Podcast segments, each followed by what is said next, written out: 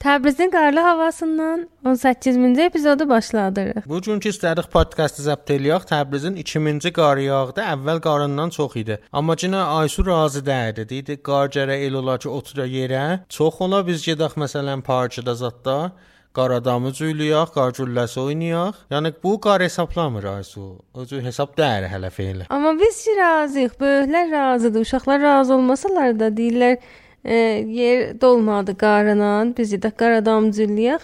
Amma böyüklər razıdır. Fikr edirəm ki, havanın bu batıqlığı, bu xarablığı biraz düzələ. Mənki sərçandan elə ki qar başlayıb yağmağa ta indi bu ləhziyəcən fəqət story like eləyirəm da. Hərə pəncərədən bir dənə fincan çay, qəhvə əlində uzaldı beşiyə, bir dənə əhs salıbdı qar yağmaqdan. Mən hey ola like eləyirəm fəqət. Nə olacaqdı? Çoxdan indi qar yağmamışdı. Like elə də nə olar? Bax kef elə. Bu sayı nisbət o biz sayılara görə tez çıxır, amma insafən çox pəyam gəlmişdi biləmizə nisbət o biz sayılara görə fikrim keçən sayını çox bəyənmişdilər. Yəni elə həm homeschooling ola ki, çox adam müvafiqdir sözlərlə və bəyənmişdi. Hətta cəlibdir deyim ki, bir nəfər deyir istəyirdik podkast yola salaq. Əvvəl mövzumuz da bu idi. Həm homeschooling, həm Atabay filmi ikisini də siz işlədiniz. Bu da var ki, məlum ki, bu mövzuda indi elə gün mövzudur da. Yəni hamı da söyür ki, bunlar eşitsin ya işləsin. Gələn peyğəmbərdən bir kitab oxuyaq da deyirsən. Sən başla da, sən başla oxu mən də gəlim. Bir nəfər müəllim bu peyğamı yazıbdı. Yazıb ki, indi mədrəsə yolunda ikimiz podkastını eşidirəm. Çox gözəl idi və cəlibli bu ki, mədrəsədə müəllim və homeschooling-ə görə də ala bu mətləblərdən xoşu gəlibdi. Özü də yazmışdı ki, mən özüm O müəllim nə deyirəm ki, bu amuşpərvəriş sisteminin müntəqidiyəm. Bir nəfər eşidənlərimizdən Arəş bəy adında yazıb ki, neçə müddət sonra eləyə bilmişəm bu podkastla keyfimi sazaldım. Nə yaxşı ki varsınız, daha güclənin. Sağ olun Arəş bəy, nə yaxşı ki siz də varsınız. E, Arəş bəy e, uzun bizə peyam göndəriblər. Arəş bəyin özünün podkastı vardı qədim. Mən özüm qulaq asardım Şərif Durnaları adında. Əlbəttə bir quruhu bir iş idi. Şərif danışgahının. E, Azərbaycanlı danış məşğulanın podkastı idi. Çox da qəşəng podkast idi. Vəli vəsətdə də buraxdılar da əl çəkdilər və qol çıxartmasından ki, yazıb da dəlailin. Mən özüm podkastlarına qulaq asardım. Çox da qəşəng podkast idi. Heyf oldu vaqəən və ehtimal da var idamə verələr ki, çox yaxşı olar. Çox-çox bizə peyam yollayıbdı. Fikir eləyirəm bir 2-3 saat vaxt qoyubdu bizə. E, həm elə təcrübələrindən yazıb, həm pişnahat verib, intiqad eləyibdi. Yəni oracan ki, zaman qoyubdu, vaqəən çox ərzişli idi bizə.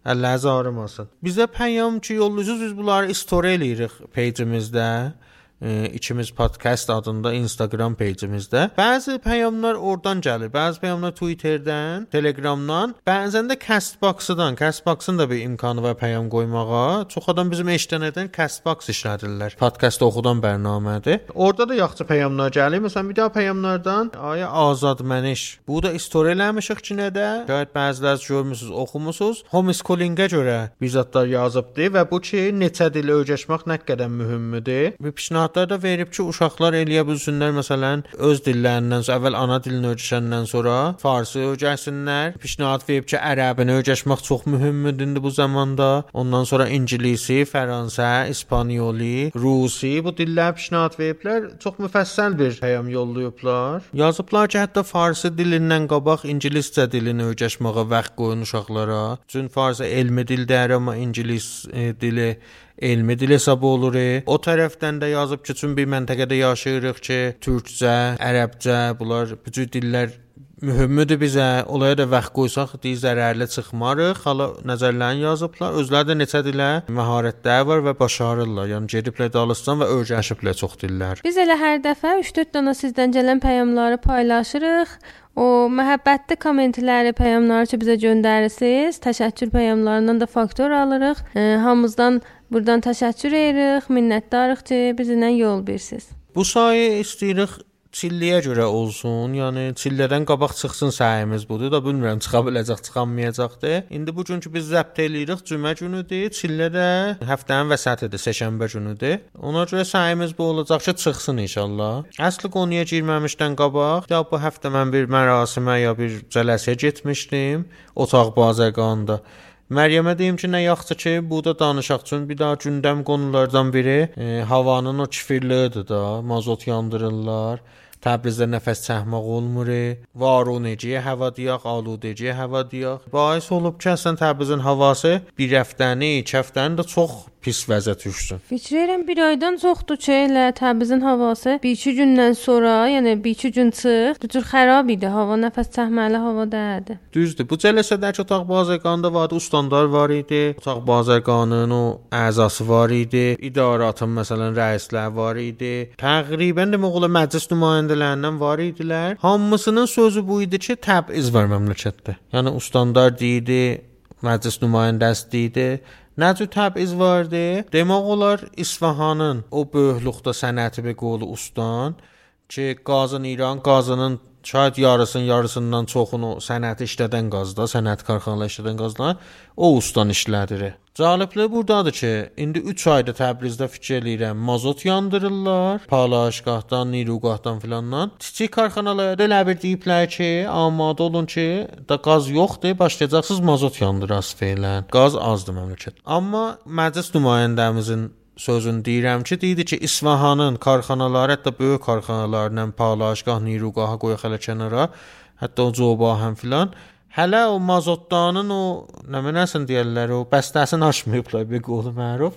Biçətdi də hələ. Yəni indiyəcən qaz yandırırlar. Yəni 3 ayda biz o mazotu çəkirik riyələrimizə, ya biz ya Urumiyə, ya bu bir elə ustanlar, mərz ustanlar İsfahanda qaz yandırıb və kefə-kefinə işlədirlər. Cəlibdir ki, bu Təbrizi də millət demir. Millət desə bir ayrı məsələdir. E, onun da haqqı var desin. Amma başdaçılar, məsullar gəlirlər bu sözlər deyirlər ki, bəli, necə İsfahanda yandırmırlar, nəcür olur bu bisi şəhərlərdə mazot yandırırıq. Elə cəlibi də budur ki, hamı bilir, heç kəs bir iş görmür. Bilmirəm, intizarlar var, millət getsin, qaz tapsın, gətirsin ya təhrimlə götürsün, bilmirəm, mazotu sassın, sadir eləsin. Bilmirik ki, bunların nəmə nədir? İntiz sözlər e, deyirlər, amma əməldə heç görmürük. Yəni özüdür da, məsələn, gəlir nümayə məclis nümayəndəsi də o gərək təslim bu cür o gərək bu cür bir məsailə yetişə ya ustandar deyək. Yəni indi ondan yuxarısan dövlətdə oturubla fəqət müşkül tərh eləyirlər də. Deyirlər elə təbiz vardı. Təbizi sən təbizi sən gərək də be qolu bu ədalətsizliyi sən gərək aradan aparasan da. Elə biz də deyirik təbiz var. O da deyir təbiz var. Rəis cümhur da deyir. Hamı deyir, vəli kim buna yetişəcəkdir bəlli deyil. Heç kəs. Cəlibdir ki, biz yekşənbələr Təbrizin şurasının xəbərlərin e, bura presdə paylaşırıq, işləyirik. Elə orada da öcürdə ha, elə başdan nümayəndən nümayəndədən tutca əşayəcan elə fəqət danışırlar. Yəni gəlirlər şəhrin e, müşkülatını deyirlər. Əməldə heysət yoxdur. Niyə filan xiyaban neçə vaxt işlənmir, niyə nəm şəhrin bu müşkülü vardı, o müşkülü vardı. Əməldə heç zət yoxdur. Fəqət elə sözü deyib çıxıb gedirlər. Bilirsən müşkül çox yuxarılardadır, ayrı yerdədir. Vaqiətdə budur ki, bu təbiz deyək. Hey təbiz deyirəm, Təbrizlə şey olmasın. Mənzur təbiz bi idalətlik mənasına. Özün bilirsən də Hurul Əzimi ki, qurutdular, ey biləm də orada adam öldü, çıxdılar etiraza filana. Sonra bəlli oldu ki, bir daha Çini şirkət istəyir oradan neft istixrac eləsin. Əmniyyət Milli ki, bir dənə bir qurumdular ki, təslim tuturlar İranın məsailinə görə əmniyyəti nəzərdən baxırlar. Bunlar təyin edilmişlər ora qurudun. Gör nə cür ha ki, vəz quruq o adamlar ki, oturubla o cələsədə ki, istəyirlər bizim əmniyyəti təmin eləsinlər. Yəni mövzulara baxırlar bu dindən ki, bu olsa İran nəfi nədir ya zərər nədir? Bizim kimi məsələn orada yaşayanların ya İran cəmaətinin nəfi nədir ya zərər nədir? Vücubi təsmimlər tuturlar. Bax gör məsələn iş hardan qələtdir ya. Necə bu bir daha cəlibin deyim. Karxanaların birinin müdür amili yazıq durdu orada danışdı cələsdə deyə, "A, biz hazırıq ki, indi 3 shift işləyirik, 2 shift işləyək, ya hətta 1 shift işləyək. Bizim qazımızı qət eləməyəsiniz." Çünki mühitçi istəyəcək bizi cərimə eləyir mazot yandıranda. Gəldiyiniz mühitçi aludəsiz cərimə eləyir. Əvvələn ki, bax gör nə qədəm yazıqlıq var ki, burdakı hazırda kargərlərin tövsün eşiyə ixrac eləsin, tolidini azalsın, sudunu azalsın ki, nə var qaz qət olmasın da. Usulən bu cürdür ki, gərək biraz da izafə qaz verəsən ki, bu tolid çoxala da, salə nəm cəhəşə tolid deyək, ronaqa tolid deyək. Usulən gə tolidi çoxaldıq, mən fikrim bu rəvişini azaldırıq. Hələ o da qoyaq kənara qaz idarəsinin rəisinin sözünə mən olsa yaxşıdır. Deyə, mühit zistin özünün xəbəri vardı. Nigeran olmayın, cərimə eləməz. Yəni mühit zist ki, işi budur ki, mühit zisti hifz eləsin və köməklik eləsin ki, bizim mühit zist hətta bundan da yuxarı həddə getsin. Özünün xəbəri vardı. Yəni deyə yandırın, nə beləmə. Hər necə aludəlik eləyin. Mühitizis idarəsi cəryandadır. Nə iş görürsüz görün, rahat olun. Əmniyyət milli cəryandadır, mühitisiz cəryandadır, rəis cümhur cəryandadır, məclis nümayəndəsi cəryandadır da. Hər nə oyun var çıxardın. Hamı cəryandadır. Bir millətin heysiyyətdən xəbəri yoxdur.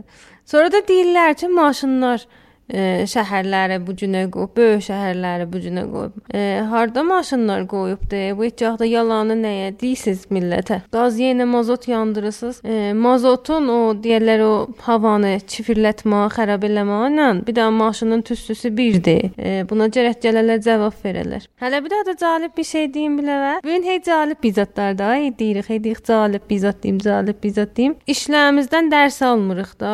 Xuzistanda ey belə fəlakət yaranıbdı, susuzluq var, su çəkmələr çəvirlərə zada bais olub o məntəqə susuz qalsın özü. Onlardan dərs almırıq. İndi təsvir eləyiblər ki, 1401-in büdcəsində istəyirlər Xəzərdən su çəksinlər cinə çəvirə. Sonra da orada Mazəndəranlılar gəlirlər, etiraz edirlər. Deyirlər bu işi görməyin. Buran məntəqənin mühit zistinə zərəri var. Hətta mühit zist idarəsi, yəni e, vizarəti də deyim, vizarəti özü müxalifdir bu tərhinə, amma sözünə baxan yoxdur. Bax məmləkətin vəzinə. Bir daha da biz şey İsfahan, İsfahan deyirik, o cür deyək ki, ha ki, məsələn şəhərlərin arasında deyək fərq qoyaq ya filan ya hər nə mənə də məsələn o cür bəhsimiz yoxdur. Misal üçün ora vaqəən təbizə bais olubdu və oranı çox yuxarı həddə görürlər ta o biz şəhərlə illah mərzə qismət şəhərlər. O bais olur ad aparaq yoxsa Mənzurumuz heç burada deyil ki, orada da mazot yandırsın. Nəsən usulusu bu ki, heç yanda mazot yandırmasınlar. Heç yanda mühit zist aradan getməsin, su məsələsi olmasın. Yəni məmləkət öcür ola da.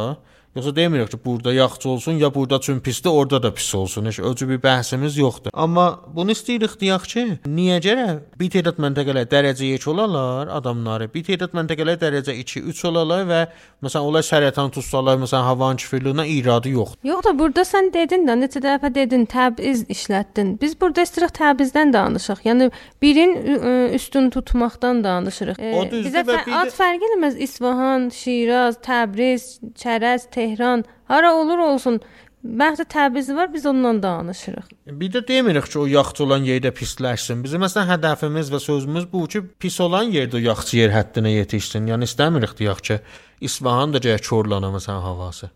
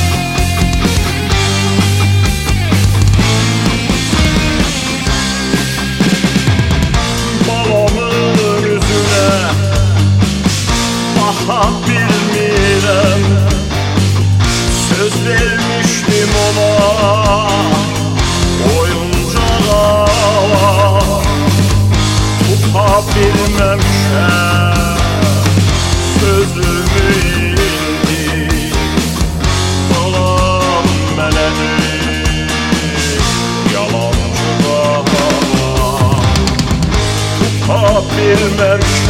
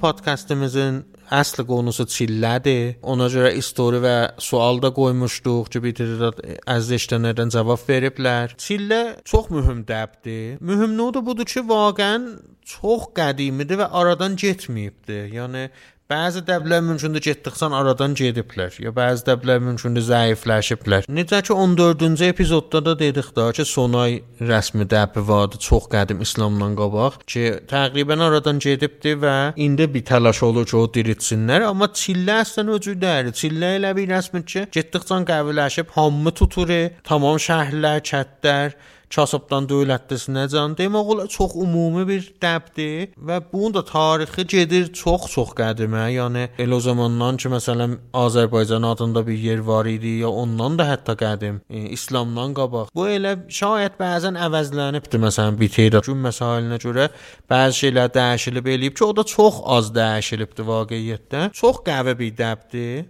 Çillədə bilirsiniz da, elə çilləyə yaxın olanda hey ənva əqsam live-lar, ya podkastlar hətta ya məsələn videolar buna görə çıxır da. Bu videoların da çoxu bir təkrarı baxış şahid mənim öz nəzərimə varlardı. Məsələn, əfsanə bodundan baxırlar, folklor baxımından baxırlar. Gəlirlər məsələn o cür e, bir növ məsələn təhqiqi bir zətlər işləyirlər. Yerində yaxşıdır, ha müşkülü yoxdur, amma biz üçün podkastımızda həmişə demişik ki, gündəm qonulardan danışacağıq. Ona görə biz səy edirik ki, biraz fərqli olsun baxışımız, öz təcrübələrimiz, sizin təcrübələrinizi qataq və indiki bir baxışla, yəni bu günün baxışı ilə baxaq qəziyyəyə. Biz sizlərdən də soruşmuşduq ki, bu çillə gecəsində fərqli iş nə mənə iş görmüsüz ya nə etmisiniz? Əvvəl istəyirəm öz işlərimizdən deyə. Bəlkə də heç çox da fərqli deyil. Bizim öz nəzərimizə fərqli gəlir. Biz e, məsələn deyirəm, Aftab Azərbaycan dərgisində elə çilliyə görə bir özəl e, iş, mətləblərimiz vardı, işləmişdik. Orada da yazmışdıq ki, Bayatı falı oxumaq qədimdən çillən, dəbləndən idi ki, bəlkə də yaddan çıxıb görmüsüz də, çox e, bayatı zət oxunmaz. Elə cəmaət oturur bir-birinə danışır, mıtvuran, danışan, bu cür də böyük evində yığılırlar, amma bayatı oxumaq o fəzanı deyirlər gözəllədir də. Axı qədim nə bayatı elə hamının əzbəri idi. Baxma indiyə çoxdumuz heç kəs başarmır. İlla indiki məsələn cavanlar zətdə. Qədim elə məsələn bir daha yaşlı xanımı, ağanı danışdırsaydın, şayad 20-30 da elə bayatı hifz idi məsələn. Şayad da çox. Bayatı mod idi, yəni hamı o bayatlar hifz idilər. Elə o da bais olub ki, sinədən sinəyə indiyəcən gəlsin, yoxsa bunlar bir yeri səbt olmayıblar. İndilər kitab şəklində çıxıbdı. Qədimdən elə şəfahi idi. Ona görə onu oturub oxuyardılar da, cəlib idi, cəzzab idi. Elə mən də istədim o deyəm ki, bu bayat oxumaq üçün də yaddan çıxıbdı. Böyüklərimiz də bəlkə öcürdə əzbər dəyərlər, cavanlar da ki, əslən əzbər dəyərlər. E, biz gəldik bir iş gördük. Bacımın nişanı idi. Buna çilləlik gətirəcəkdilər. Biz gəldik bayatıları, tapdıq, çap elədik. Sonra çillərin o yeməkləri ilə bahəm e, bu bayatıları da qonaqların içində payladıq. Hərənin e, şansına bir bayatı çıxdı. Bu bayatı oxuyanda e, elə deyirlər ha, konskav idi da. Gözlürdü görsün nə mənə çıxacaq şansına. O bir həyəcan yaratdı o mərasimdə, həm də bir şirinlik yaratmışdı. Bir də fərqlilik də, yəni indiyəcən çoxu görməmişdi özü bizə də sən çox qədimilər şahid məsələn bayatı zətdə deyim qulaqlarına dəyməyib cavanların çoxun bəzə. Bir növ hamı elə həyəcanda idi ki sən deyən kimi də açım gör mənə nə mənə Nə mənə çıxır. Hə bir-bir ki açıydılar, hamı başladı gülməyə, bir qəşəng cəv yaranırdı. Düzdür. Ki sən falan budur filan. Ona görə bəhs oldu. Sonra hey o birisi müntəzir ki növbə yetişsin, o da Qoca açsın. özü. filankəs xanıma nə mənə çıxacaq? Filankəs ağa nə mənə çıxacaq? Bunu eləyə bilərlər ha, az işlənlər ki, bu il məsələn necə çillədən qabaq qulaq assalar, fərqli bizə də ola bilər də, yəni pişnahad veririk bilərlər. Fəqət biz bir iş görmüşdük. O bayatılar ki seçmişdik. Dadda duzlu bayatılar seçmişdik bu cür deyim. Yəni hamıya duzlu bir zətlər çıxırdı, ümid verən bir şeylər çıxırdı. Cəlib də orada xanımların biri ki yaşlıdır, ona bir də bayatı çıxmışdı ki, e, tezlikdə ərəcəyəcəksən, xoşbəxt olacaqsan. O da bais oldu ki, da hamı da deyirlər dəymişdi bir-birinə, də gülməkdən qırılmışdı hamı. Ərə getdi. Ər orada idi da. Bəs onda ərinə mənə dedişməm yadımdan çıxıbdı. Elə gül ham gülmək çıxdı da, bətər dəbəhlik oldu. Hamı güldü. Deyirlər o şirin xatirə oldu da, o yarandı o. Deyirəm ya şahid boşanıb ayrı ərə gedibdi. Ondan da yaxşı ərə gedib. Yox, heysən- bu? Mən tanıyıram. yox. Mənim yadımdan çıxıb. Sonra birində biz elə fikirləşdik ki, nə edək, çillə gecəsi fərqli olsun. O çillə gecəsi də e, bizim evimizə yığışacaqdıq. Çox az adam da elə ana-atalarımız, bacı qardaşlarımız bizim evə yığışacaqdılar. Biz gəldik fikirləşdik ki, müsabiqə tərəflıq eləyək. Aysudan suallar soruşaq. Bunlar ki, yaxın adamdılar. Aysun yaxından tanırlar, əxlaqını bilirlər. Əgər Aysun suallarına düz cavab verə bilsələr, caizə almışdıq da. Məsələn ki, caizə idi. Bir dənə elə qarpız şəklində şam almışdıq. Hər kəs düz cavab versəydi, ona kado verəcəkdik. Yəni bu cür elədik. Biz bir gün otduq özümüz, vaxt qoyduq səhərdən gecədən Aysudan film götdük. Sual soruşurduq. Məsələn, fərz elə Aysu lap çox bəyəndiyin qəza nəmə nədir? Hansı yeməyi çox sevəsən, ya hansı meyvə çox sevəsən? Ya məsələn, ata istəsə dursun qəza bişirsin, nəzəvə nə mənə bişirər? Cür suallar elə Aysunun özünə görə və özümüzə görə sonra Aysunun cavablarını pəxş eləmirik. Biz bunları salırdıq, televiziyondan pəxş edirik sualları. 4 dənə də qozinə verdik. 4 dənə qozinə cavab verdilər. Sonra Aysunun cavabını pəxş elədik videosun, video cavab videonu. Ki Aysu da məsələn cavab verdi və bir qəşəng cavab yaranmışdı onda da hamı məsələn gülürdü eləydi. Hərdən Aysu məsələn özü bir e, o zamanlar da bir xas əxlaq var. Gözən tərsə türsə cavab veribdi ki, o şirin nədir? Çünki uşaq bəzən tərsə cavab verər də. Düz, Ayşə 4-5 yaşlarında idi, çiçi idi. Cavablar bəzən bizim özümüzü də təəccübləndirirdi. Tərsə türsə cavablar verdi. Hamı məsələn intizar vardı bu uşaq deyəcək məsələn makaroni söyürəm, ayrı bir cavab verdi. O mırt yaraldırdı. Bu da imtahan eləyə bilərsiniz. İndinin texnologiyalarla elə o zaman bizə çətin idi televizyona zal salmaq. Bilmirəm nə cür saldıq, hansı rəvişlə. İndi də televizyonlar ki, indi biz elə mobilimiz də vəsl eləyirik televizyona. İndinin televizyonlarla rahatdır. Fəqət mobilinizlə bir film götürəcəksiniz, bunları məsələn pəxş edəcəksiniz. Cəmaət də ki, yığışıblar sizin evə qonaq ya indi harda qonaqsınız. Ləzzət aparacaqlar da bu işdən də. Buna ayrı modellər də eləyə bilərsiniz. də, Özünüz dəyişə bilərsiniz. Bir ayrı modellərdə bu işi görə bilərsiniz. Bunlar indi ki, dedim, bunlar 10-15 ilin içində Bula özümüz məsələn getirlə gecəsinə yaratmışıq. Yoxsa qədimlər elə biz də böyüyün evinə yığışardıq. Elə hamı yığışardı, gələrdi əmilər, dayılar, xalalar. Elə sizlərə tay. Gecənin yeməklərini yeyərdik, biraz danışıq olardı. Məsələn ləbləbi yeyərik. Elə ki nə də yeyərik da ləbləbidir, pəxlədir, ondan sonra pəşməhdir, keçdir, şirnidir. O qədər mütənəvvi yeməklər var ki, nəm çay içərik, ondan sonra Tuxum. toxum, acil, qarpız. Hər nə mənə də bu cür bizatlar ki, hamısı da zərərli bizatdır. Mən bilmirəm səhərəcən biz necə yatarıq indidən. Mən 2-3 gün qaçildə xof bastı bilən, bir beləm yeyəcək ha. Baba qışa meydan oxuyuruq gərək. Yox da me meydan oxuyacaq axı qışa. Vaqəən adam yeyəndə yeyir, düzdür, amma va özü ey beləm şey məxlut eləyəsən, yeyəsən ha, özü bir çətin məsələdir. Qarın sancısından mən ye- yeməyəcəm də, yox. Sən yemə, sən Hər Zor deyən yox. hər il onunla yedirdinlər də. Özüm istəmirəm yeyəm. Mən ey beləm çox yeyən dərəm, vəli da çarə yox. Seçəcəm də o sövən vizat da yeyəcəm. O bislər yeməyəm. Yeməkdən sonra da işimiz bir də danışmaq idi da. Hamı elə görərdin öz dövrəsində oturanlarla söhbətləşirik, danışırıq. Bəzən məsələn vizatda olar müşairə yadıma gəlir məsələn. Görərdim məsələn çox ağalar, xanımlar oturarlar, danışarlar, də ayrı. Məsələn ağalar müşairə elərdilər məsələn. Şeir oxuyardılar, axır kəlmə hərfi ilə şeir oxuyardılar. Yadıma gəlir özü. Yox, mən ödrü yadıma gəlmir. Müşairə eləyək. Bir də lap qədimlər qəzalardan işlədik nə mənə yeyirlər, yer almaydı. Apəz yer alma. Onu məsələn mənim yadıma gəlmir. Mən görməmişəm. Hə, suda bişirilmiş yer alma yeyərdilər, o da var idi. E, Mən səndən qocuyam da, mənim yadıma gəlir. Biz sizlərdən də soruşmuşduq ki, siz nə işlər görəsiz bu çillə gecəsində? Əlbəttə fərqli işlər soruşmuşduq, nə işlər görəsiz? Yoxsa bölürük elə yeyəsiz siz də. Bilirik, elə siz də böyük evinə gedib fəqət yeyəsiz. Sizlərdən gələn peyğamlardan mən bir ikisini birazdan paylaşam. İrəc bəy deyib ki, biz bir dəfə Çillə qarpuzu filminə görə otduq danışdıq Çillə gecəsi. Bu lap fərqli işlər idi ki, ola görüblər. Cəlibdir da, bu da bir özü bəhsidir ki, Çillə qarpuzu filmi o qədər çox bir senaryosu çox qəvi bir zətdə idi. Səbki çox qəvi bir zətdə idi. Çox hərfəyə bir iş çıxmamışdı. Ondan sonra da ağqərə, siyasət televizyonda film özü də siyasət idi. Səssat qolaydı filan. Bəli, baxaq o şeyə ki, o zaman nə qədər imkanat az idi ya nəcür idi ki, bu öcür gül elədi. Sonra da hər il elə onu pəxş elədilər netillər. Elə cinə də hamı hər zadın bülüdə hifz idi. Cinə oturmuşdu baxırdı elə təkrar onu.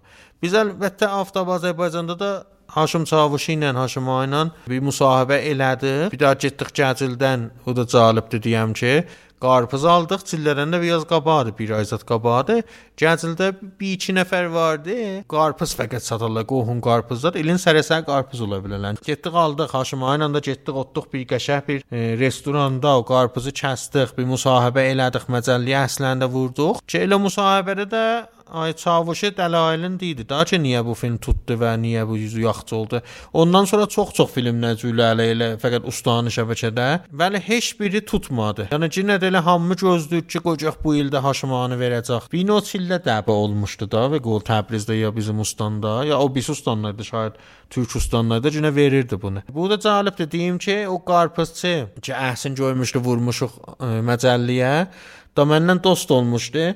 Həmişə gedərdi o anbardan vicda yaxçı qarpız çıxardardı mənə görəndə verərdi. Deyərdim baba 2 dənə aparamıyorum. Ağızda hərəsi də 10-15 kilo nəm necə. Şahidin zaman yollar ki apar qoy bu maşına filandı behmandı. Pulla verərdi ha amma cəlib ki hamısı şipşirin çıxardı. Yəni seçərdi verərdi. O zamandan dost olmuşduq. Çoxdan da gəlib oradan qarpız almamışam. Bu da çillərin xeyri sənə. Da nə mən istəsən. Arəş bəy də yazıb ki, xabqahda şamımız yox idi. Pənir çörək qarpız yedik. Laf fərqli işlər bu idi.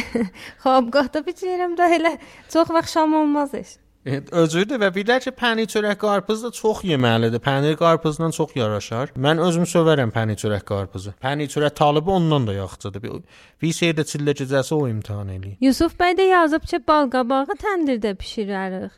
Bir də ki, bal qabağı ilə böyük anam pilov bişirər. Bu insafən çox fərqlidir. Mən məsələn bal qabağı ilə pilov indiyəcən yeməmişəm. Sən Ee, bal Yusuf qabağına bəydən çox bişirəsən. Onu bişirəm. Burdan Yusuf bəyə səslənirəm. böyük anazın respisini e, nə cür bişirirlər, onu mənə göndərin. Yo doğrudan da göndərsinlər, qızı cəlibdir.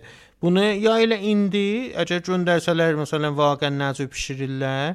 Çün e, bilirəm sən də əlaqəməndisən, oradan deyirsən, amma mən də podkast dediyinə baxıram. Sən üçün Aftab Azərbaycan ki elə hey söhbət gedir, o məcəllədə Azərbaycan qədim yeməklərin hər ay bir daha mərifə elədin. Özü gedərdin o sinli yaşlı adamların evlərinə bişirərdiniz vaqən əhsin e, götürərdiniz, ondan sonra müsahibə elərdiniz və o əhslərin ba həm vurardınız. Çox da cəzzab səfə idi. Sən o dindən baxsan ki, öyrəşim də. Bəli, mən də deyirəm, yo, Yusuf bəy yollasın biləmizə.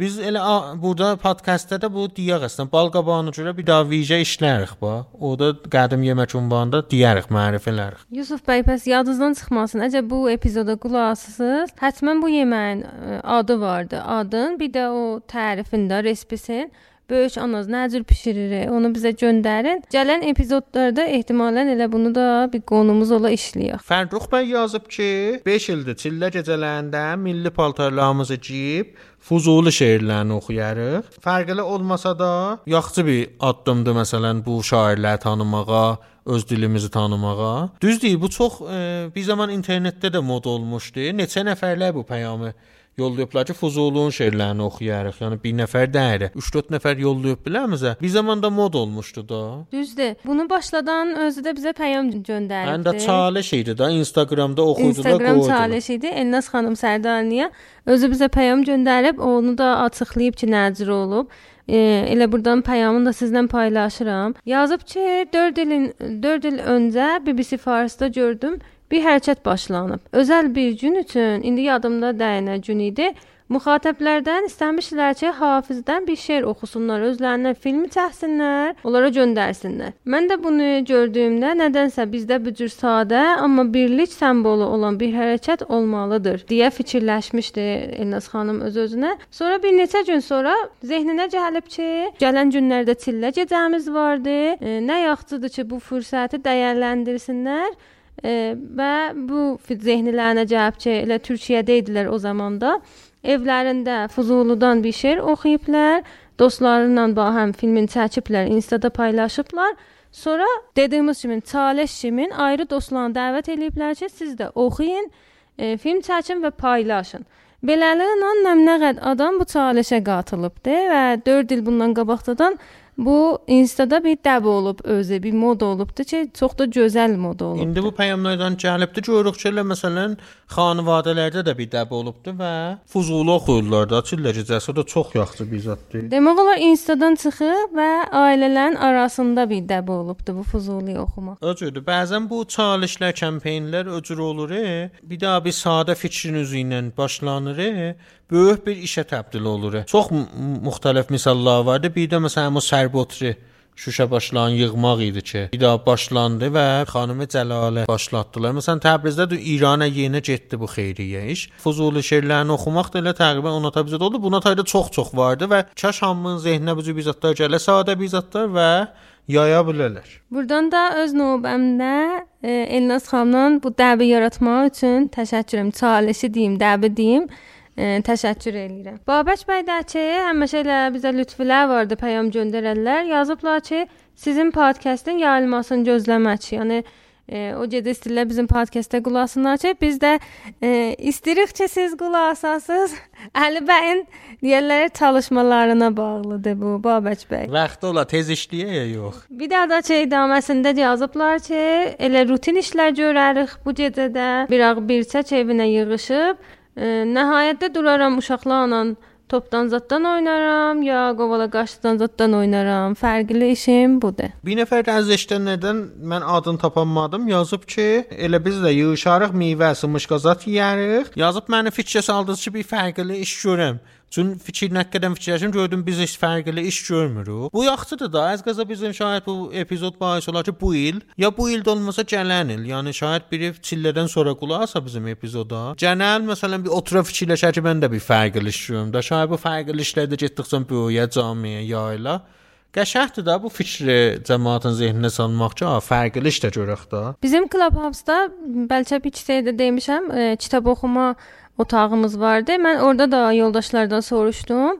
Orada da Səid bəy deyirlər ki, bir dənə təzə dəbçi yaranıb, məxsusən böyük şəhərlərdə, Tehran kimi böyük şəhərlərdəki məsafət uzaqdır. Bir gün Oğlan evinə yığışırıq, yəni oğlanın ata-anasının evinə yığışırıq. Bir gün də qızın ata-anasının evinə, yəni böyüyün evinə yığışırıq.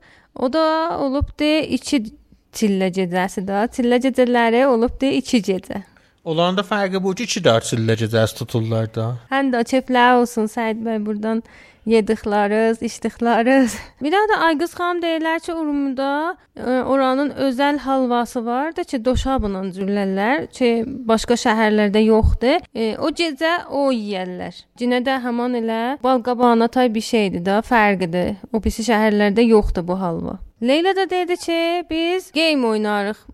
Bəlkə bu il ədəbaz oynadıq. Ki buna görə də biz elə e, epizodun gələn bölümü sizlərə game-lərdən danışacağıq. Camiyar Macid Elman La la la la la la la la la la la la la la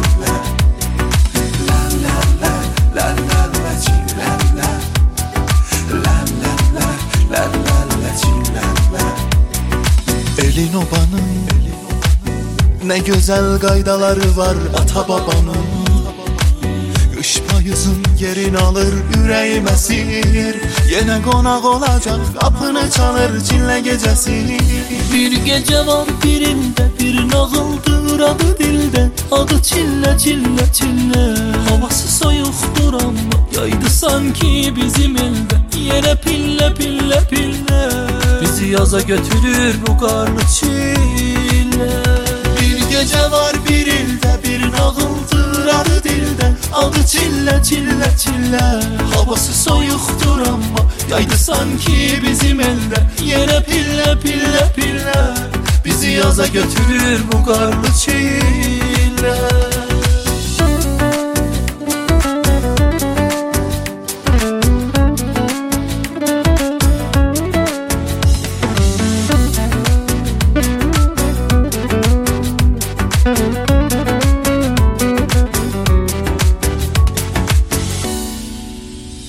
Gecenin uzun çağında Yine dostlar kenarında. Ana bir nağıl deyince Ata karpuz kucağında. Bizi Çinle birleyiptir Ömrümüz keçti bir ilde. Gözlü yak bir de yetişsin Gelecek da karlı çile. Bir gecə var bir ildə bir nağıldır adı Adı çillə çillə çillə Havası soyuqdur amma Yaydı sanki bizim əldə Yenə pillə pillə pillə Bizi yaza götürür bu qarlı çillə Bir gecə var bir ildə bir nağıldır adı dildə Adı çillə çillə çillə Havası soyuqdur amma Yaydı sanki bizim əldə Yenə pillə pillə pillə Bizi yaza götürür bu qarlı çillə Bir gecə var bir ildə bir nağıldır adı dildə Adı çillə çillə çillə Adı çillə çillə çillə çillə çillə Yenə pillə pillə pillə Bizi yaza götürür bu karlı çile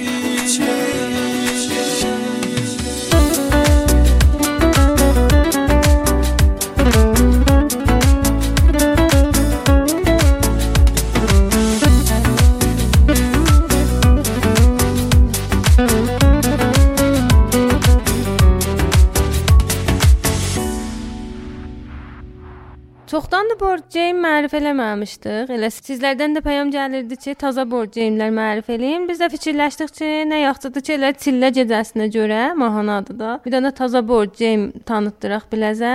Bunu özümüz biz bir müddətdə almışıq, oynayırıq və bu çillə gecəsində həttəmən həttəmən həttəmən oynayacağıq. Çox da xoşumuz gəlibdi, çünki özümüz bəyənmişik, ona görə deyək, sizin də həttəmən xoşunuz gəlir. Gamein adı Şotor Savari ya Camel Up-dır. Ki şotor da elə o Camel Up-ın üzündən düzəldilibdi. Çox demək olar sadə, rahat game-idir. Mənim öz nəzərimə e, böyük özəlliyi budur ki, 2 nəfərdən 8 nəfərəcən bu geyimi oynamaq olar. O PC geyimlər bilirsiniz, nəhayət 4-5 nəfər oynamaq olur. Ya bu 8 nəfər oynamaq bais də olur ki, çox adam e, birlikdə bu oyunu oynaya bilsin. Mən deyirəm də özüm bu cəhətdən bu geyimdən razıyam. E, bu game Bazimən şirkətinkidir. İnternetdə də search eləsəz baziyə şotor səvari həm elə özün tapıb baxa biləsiniz, həm oradan xərid internetə ala biləsiniz. Həm ehtimalən getsəz məsələn elə şəhrinizdə də, elə Təbrizdə də o kitab furuşlarında çox board game gətirirlər satırlar, ya əsbab bazı satanlar. Şayad tapıb ala biləsiniz, olmasa internetdən gəl alasınız. Həm də ki elə search eləsəz amuzəş videosu zadı var neçə dənə ki, çox rahatda öyrəşə bilərsiniz. Çox sadə oyundur. Sən dediyin kimi də 8 nəfərəcən oynamaq olur və bu böyük özəllikdir də. Yəni bu cür cəmi oyundur, xanavadəci oyundur. Party game deyirlər də bunlara. Kəməlab da ki adın qoyublar çünki burada dəvələr var ki, çıxırlar bir-birinin üstünə. Ona görə adın xarici adı Kəmilabdır ki, burada da sən deyən kimi şotor səvarı qoyublar. 8 yaşdan üstə oynaya bilər bunu. Amma bir üçün şərt bəndi bir yaz var içində. 8 yaş şayad o cür çox ə, şərt bəndi ilə eləyənmi özün vefq verə, yəni çox zehniyyəti yoxdur həttən ona görə. Mənim öz nəzərimə 10 yaşdan üstə çox rahat oynaya bilər, amma 8-9 yaşda oynaya bilərlər. Bu oyunun qiyməti 250 min ta 350 min tapa bilərsiniz. İnternetdə bəzən təxfifli zat olur. E? O qiymətlərə tapa bilərsiniz. Bir də ki şans geymidir da, həm tasatmanın olur, e? həm də ki pişbinidir, yəni pişbini və şans ba həmdilər. Bir növ şərt bəndi hansı dəvə əvvəl çıxacaq, hansı dəvə axir çıxacaqdır. Amma çox gözəl bir şeyləri var da, yəni oyunları var ki, içində çox gözəl bir mərahildə bir işlər görə bilirsiniz ki, həm e, güldürür biləzi, həm baş o cəm bir qızışsın, bir-birinə bəhs eləsinlər, atışsınlar və bir növ fan, komik bir oyundur. İstəsən bizə oyunun özündən ə, danışam. Büzürdü ki, bizim 5 dənə dəvəmiz var, 5 rəhdə dəvə, abi, ağ, sarı, narıncı, yaşıl. Bunlar e, dəvələr, bir dənə səfə vardı ki, e, bir daha da hərəm vardı. Onun dövrəsində dolanırlar. Hər kəs bu hərəmin axirinə, yəni içinə tez girə bilsə, o o dövrün birinci dəvəsidir. Biz də oyuncu olaraq 3 iş görə bilirik. Ya tas salırıq, tasın rəngi nəmənədir, onu onun da dəvəsini qabağa aparırıq. Ya xətlər vardı, müsbət 1, mənfi 1, onları salırıq, oyunda işlədirik, ya da ki təxmin vururuq, ya hələ həmin şərt bənd edirik. Həds vururuq ki, kim hansı dəvə əvvəl olacaqdı. Yəni fərqi məsələn Minci kimi oyunlarla, əlbəttə çox yuxarı oyunda ha, Minci ilə müqayisə eləmək olmaz. Minci çox-çox sadədir. Məsələn, o cür oyunlarla budur ki, siz dəvələrin sahibi deyilsiniz və dəvəz məsələn tez yetişsin, bevaq yetişsin. Burada oyunçuların vəzifəsi budur ki, şərt bəndi ləzinə və şərt bəndidə uçsunlar. Yəni hər nə qədər şərt bəndə çox pul qazansan, özü bərəndəsə, yoxsa dəvət tez yetişdi, bir vaxt yetişdi, sənə rəbti yoxdur. Yəni bu cür deyim biləzə. Şərt bəndi düz eləyən otur, yoxsa dəvənin tez yetişib gec yetişmə mənim utub utuzmamda fərq eləməz. Şərt bəndi eləyən çox imtiyaz alır da. İmtiyazlar da nə mənədir? O puldur ki, sənə verilir. O pullar yığışır. Əvvəl round qutulanda hamı pullan sayır. Hər kəsin pulu çox olsa, o deyirlər qazanır da oyunu. O o bərəndədir. Düzdür dedik 2 nəfərə də oynamaq olar, amma şirinliyi elə çox oynamaqdır, cəm oynamaqdır. Yəni nə qədər oyuncuların ə, e, sayısı çox olanda e, şərt bəndilər çoxalır, təxminlər çoxalır. Oyun şirinləşir də, gözəlləşir, yapışır. Bir də rəqabət var da, elə şirin nədir da ki, kim tez piş bin eləsin ki, məsələn qırmızı əvvəl çıxacaq. Hər kəs tez piş bin eləyir, bilən çox pul alır. Yəni bu rəqabət də yaranır ki, tez hamı növbəm yetişsin, mən məsələn şərt bənd eləyim, şərt kimi qoyub. Bir də deyirik da çox rahat oyunda həm öcüşmə, həm oynamağı ki, vaqəən çillə gecəsinə ya bir mərasimlərdə, yığıncaqlarda, gecə yığışmalarda dərdə dəyər. Ona görə deyirik, ona görə mərif elədik. Bu cür deyim ki, 1 saat azada məsələn bir, bir seri oynamaq olar. Yəni 1 saat, 1 saat yama, 5-6 rand oynayıb və pulları saymaq olar axirdə. Özü də şirindir ki, biz məsələn bir şey oynayanda deyirik, kaş vaxt olaydı bir şey də oynayaydıq. Yəni özü bir şirin oyundur. Bir də özü ki dedik, uşaqlar da elə oynaya bilərlər böyüklərlə bərabər. Başlığa qatışa bilər. Həm də ki, elə o pul saymaq cəryaçı vardı. Uşaqlara pul saymağı da öyrədirik. Həm də ki, uşaqlara köməklik ki, o ehtimalla e, tanış olsunlar. Yəni ehtimalı vardı ki, məsələn, sarı dəvə əvvəl çıxır. Neçə daha ehtimalı var? Yəni uşaqlara köməklik ki, e, zehnilər işləsin. E, yanında da riyazi təmrin olsun bilələrinə. Həm də ki, bunlar bu board game'lərin mənim öz nəzərimə ən böyük özəllikləri budur ki, uşaqlarla böyüklərin arasında birlikdə oynayanda təamül çıxarılır. Uşaqlar çep edirlər ki, böyüklər bilələrinə vaxt ayırıblar. Bunlar da özlərindən biliblər. Bilirsən, uşaqlar buna çep edirlər. Bu, bu böyüklər özlərini, öz cəmlərinin içində bunları qəbul edirlər. Maşına oturan uşaq nə edir? Xərabkarlıq eləyir, nə bilim. E, mobillə oynayırlar falan elə. Elə bir müfid bizə donmur da. Bu elə bir bino cəmi yığısan bir yerə, illə uşaqları da. Bizim Aysud elə bu oyundan ə, e, çox xoşu gəlibdi. Biz hava oynayanda elə o da bizlə gəlir oynayır. Fikr olar ki, uşaqlar vardı. Bu geyimi almalıdılar.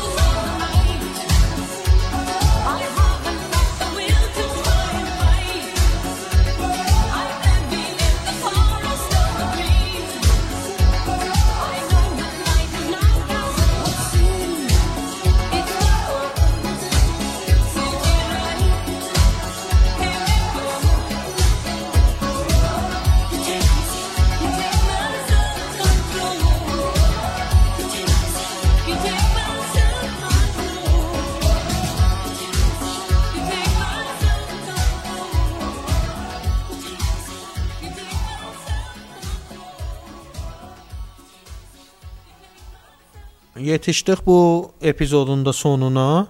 Cinə də elə təşəkkür edirik onlardan ki, bizi story eləyirlər, Twitterdə, Telegramda yoldaşlarına yollayırlar, bizim epizodda paylaşırlar. Cinə də bu işə davam edin, əlləriniz ağrımasın. Biz təşəkkür edirik və bizə çox ümid verir. Nə qədər çox adam eşitsə bu podkastı biz düzdür bir mali hədəf burada təqib eləmirik, amma o tərəflərimizə yaxınlaşırıq, daha çox yaxınlaşırıq. Onlar ki çoxdan da eşidirlər e, bizim podkastımızı bilirlər ki, hərdən bəzi peyclər ya bəzən kitablar, bəzən də applicationlar tanıtdırırıq ki, e, türkcə ə, çalışıblar, türkcə işləyiblər. Bunlar gərək tanına, biz də gedək dalıstan.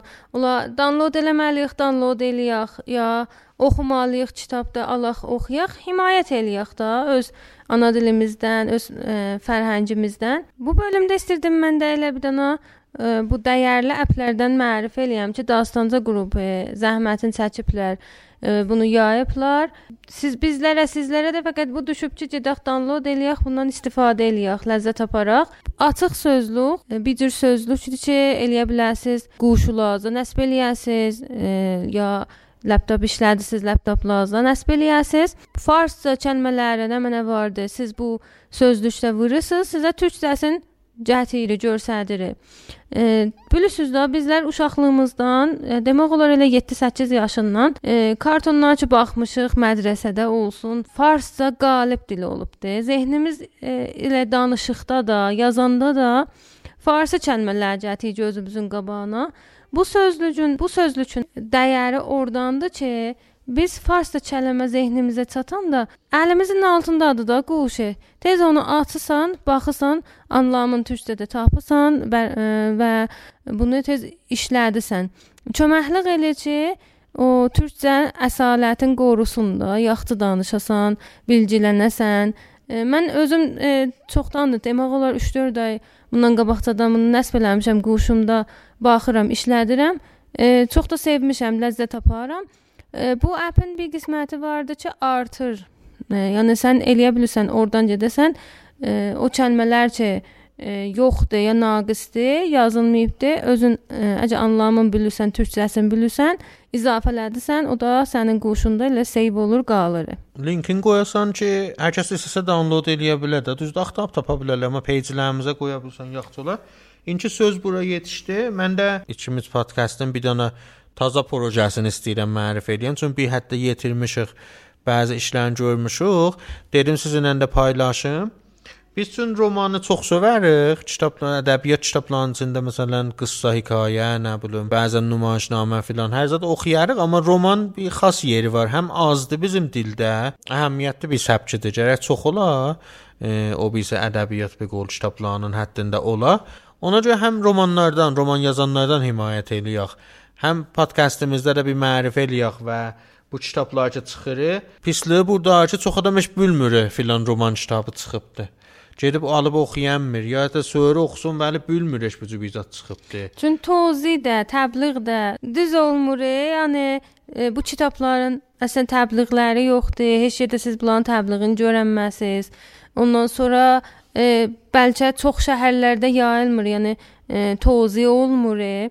Ona görə e, bizlər gərək dəstək olaq da bu yazarlarımızdan. Məhdud yerlərdə də toz yolu bir xas kitab furuşlar gətirirlər. Hər şəhərdə də olmur sən deyən kimi.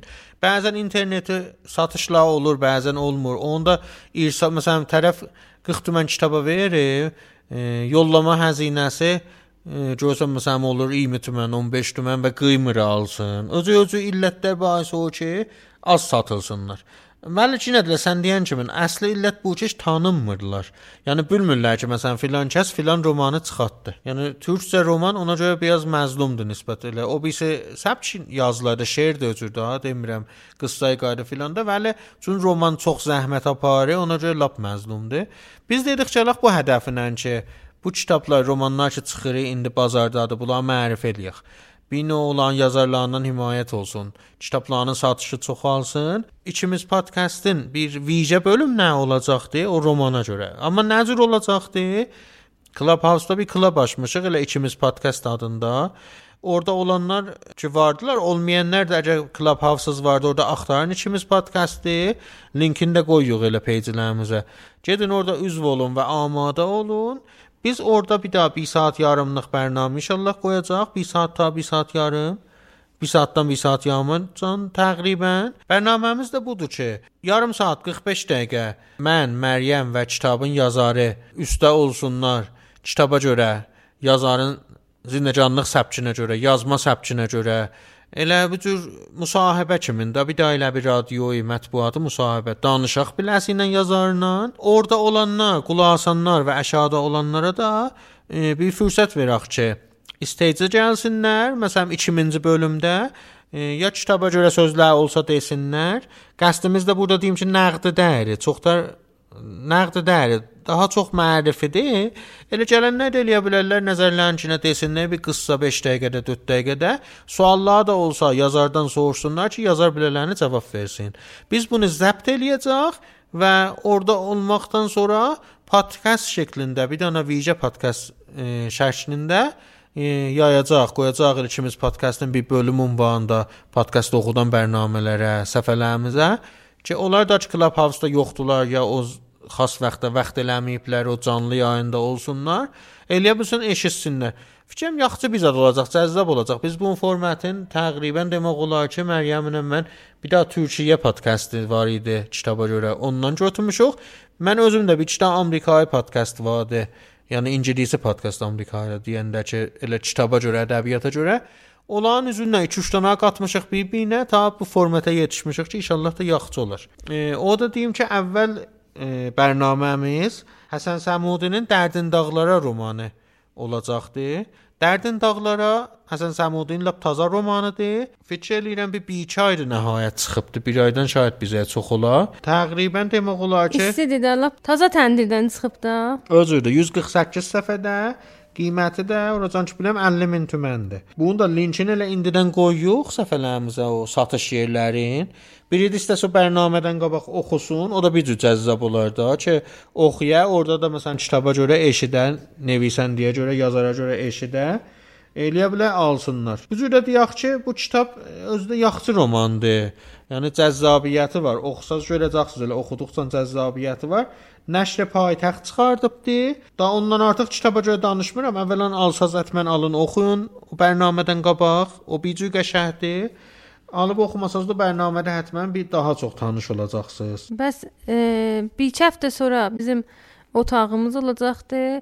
Yadınızdan çıxmasın. Biz hə- həttəmən elə e, storylərdə ya elə səhifələrimizdə də cinə paylaşacağıq. Bunu e, sizlər də olar ki, türkcə roman oxurlar. Bu kitabı biz e, saytlardan ya linklərini paylaşacağıq.